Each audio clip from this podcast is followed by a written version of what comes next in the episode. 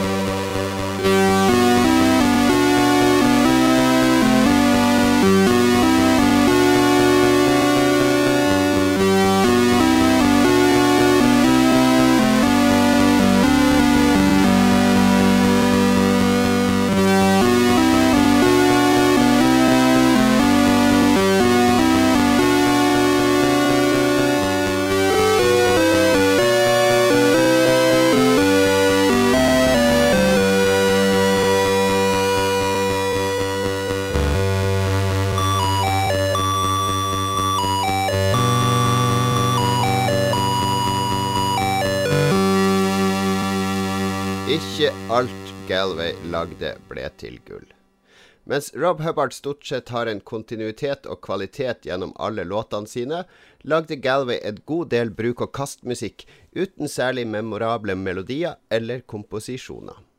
En av disse mindre minneverdige låtene skulle likevel skrive seg inn i historien. I spillet Kong Strikes Back innførte Galway noe chipmusikere kaller arpeggio. Ved å spille forskjellige toner veldig raskt etter hverandre, så kan du simulere akkorder, altså at flere toner spilles samtidig. Arpeggio-teknikken skulle prege så å si alt av sidmusikk fra 1985 og ut, og benyttes også av moderne chipmusikere. Kong Strikes Back var først.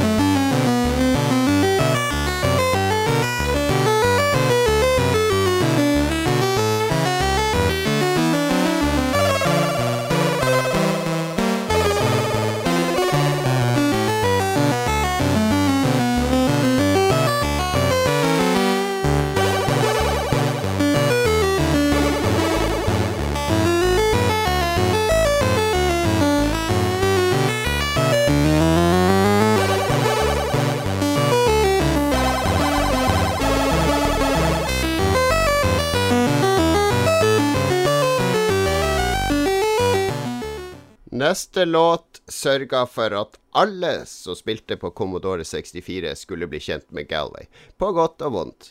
Å laste inn spill fra kassett tok tid på Commodore 64, og for å korte ventetida var det vanlig å vise fram et bilde på skjermen som man kunne kikke på mens man venta på spillet. Selskapet Ocean tok det her ett steg lenger, og la også musikk til loadebildene sine. Sangen 'Ocean Loader' fra Martin Galway fulgte med innlastingsskjermen til tonnevis av spill fra Ocean. Og det finnes vel knapt en Commodore 64-eier som ikke har hørt denne låten minst 100 ganger på 80-tallet.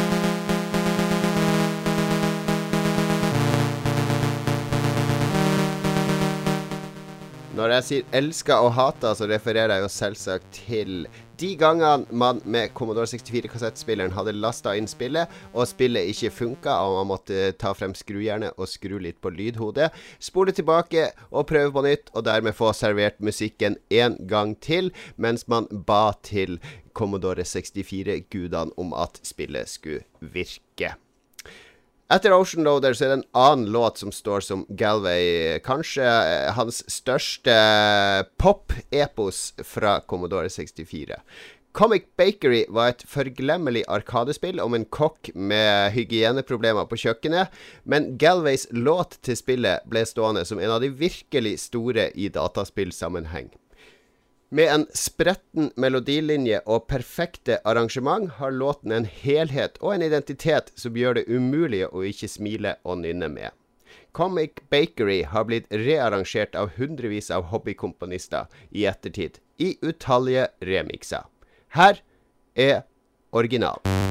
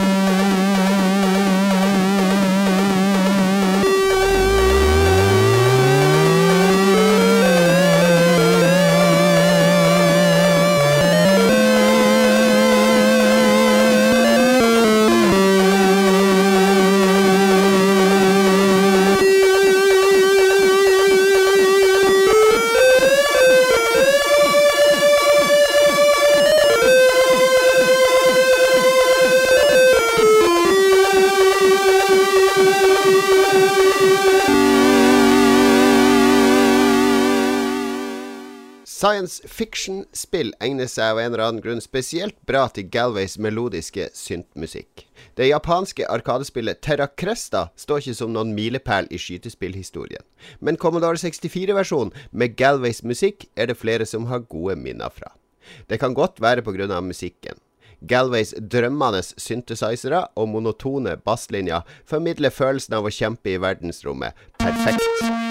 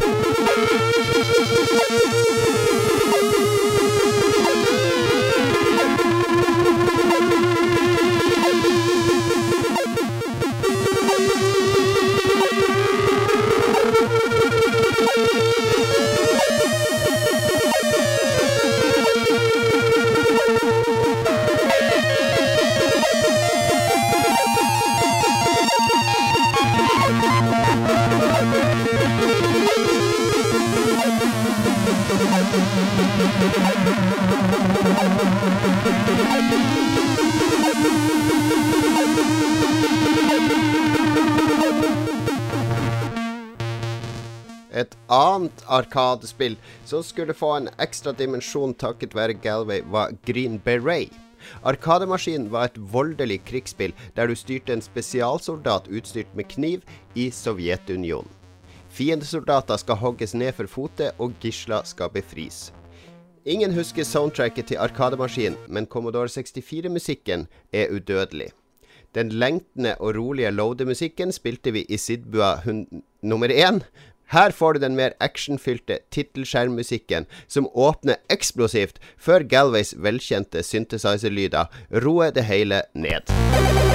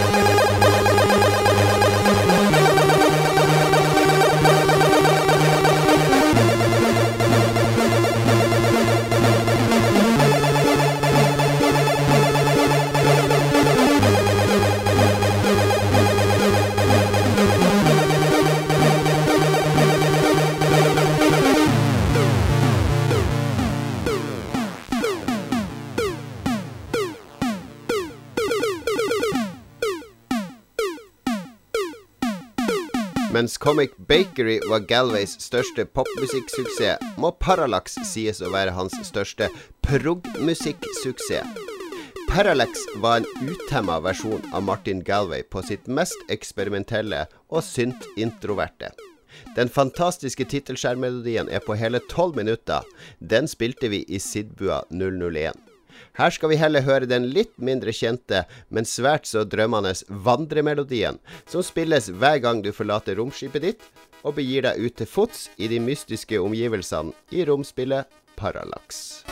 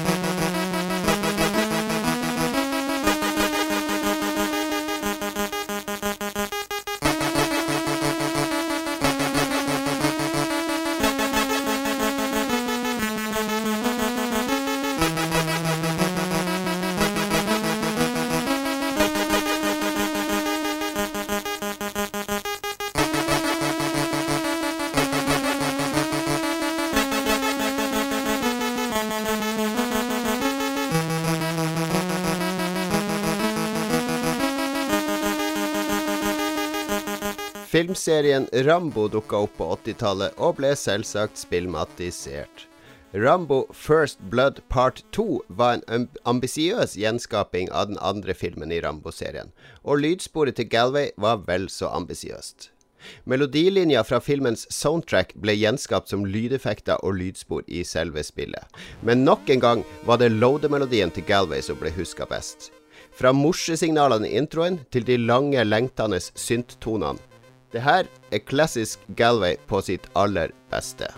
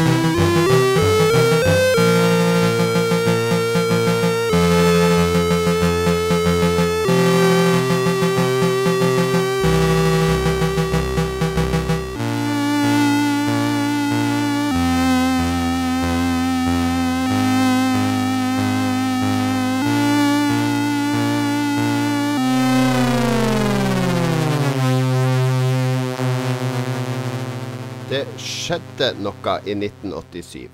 Galway oppdaga tromme. Ikke de myke synttrommene som av og til dukka opp i låtene hans, men harde, skarpe, støyende sampla trommelyder. Ifølge et intervju rippa han trommelydene fra et annet program, som han ofte gjorde på den tida, men Galway gjorde dem til sine egne. Soundtracket hans til Arkanoid skulle stå som et veiskille i Galways musikalske uttrykk. Musikken var ikke lenger bare myke synttoner og harmonier. En aggressiv rytmeseksjon skulle fra nå av dominere mye av musikken han lagde. Og Arkanoid, det var så aggressivt som det var mulig å få det.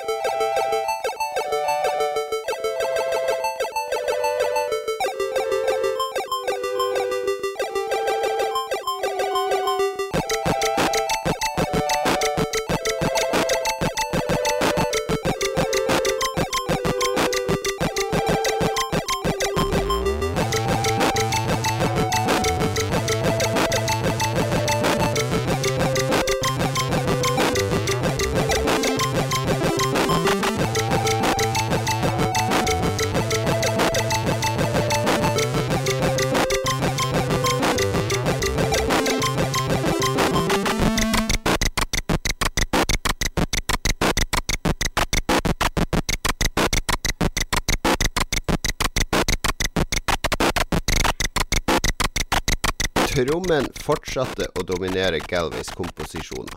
Spillet Game Over ble kanskje mest kjent for sitt kontroversielle coverbilde, der spillverdenens første nipple-slip fant sted. Men det burde i stedet vært huska for Galways rockede prog-soundtrack. Fra elgitaren i introen til den dominerende rytmeseksjonen, over til syntbroa og trommesoloene. Game Over-musikken har en kompleksitet og en vilje til å eksperimentere som få andre musikere på Commodore 64 hadde guts til å prøve seg på.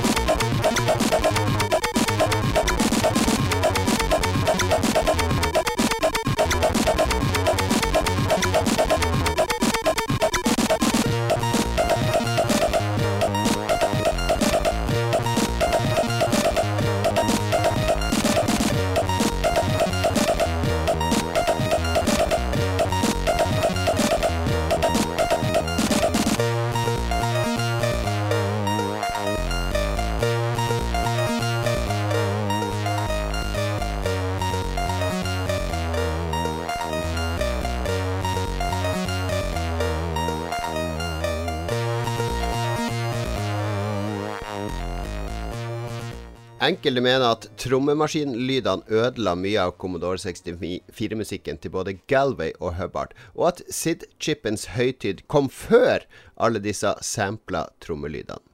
Det kan selvsagt diskuteres, men til tross for trommen klarte Galway å vende tilbake til røttene med et av sine siste soundtrack til Commodore 64. Også et av hans mest eksperimentelle. Hele spillet er for så vidt ganske eksperimentelt. I Wisball så styrer vi en trollmann og hans katt som skyter romvesener for å samle maling som skal fargelegge ulike verdener. Galways soundtrack er eksperimentell og repeterende. Masse syntlyder, suggerende, forførende, herlig. Et helt passende sted å avslutte denne tredje episoden av Sid-bua. Vi ønsker fortsatt god jul og et godt nytt år når den tid kommer. Jeg vil gjerne takke Stein Pedersen, som har laga intromusikken, Magnus Tellefsen, som som vanlig lager det grafiske, og Lars Rikard Olsen, som som vanlig maser på meg hele tida om å lage nye episoder av Sidbua. Vi høres igjen snart.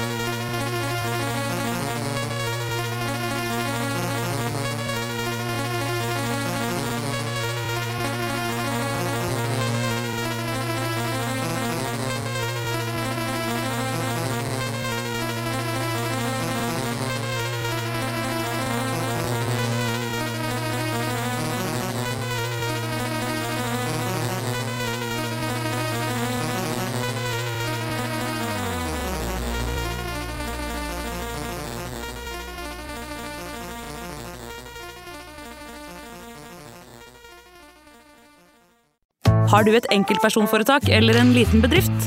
Da er du sikkert lei av å høre meg snakke om hvor enkelt det er med kvitteringer og bilag i fiken, så vi eh, gir oss her, vi.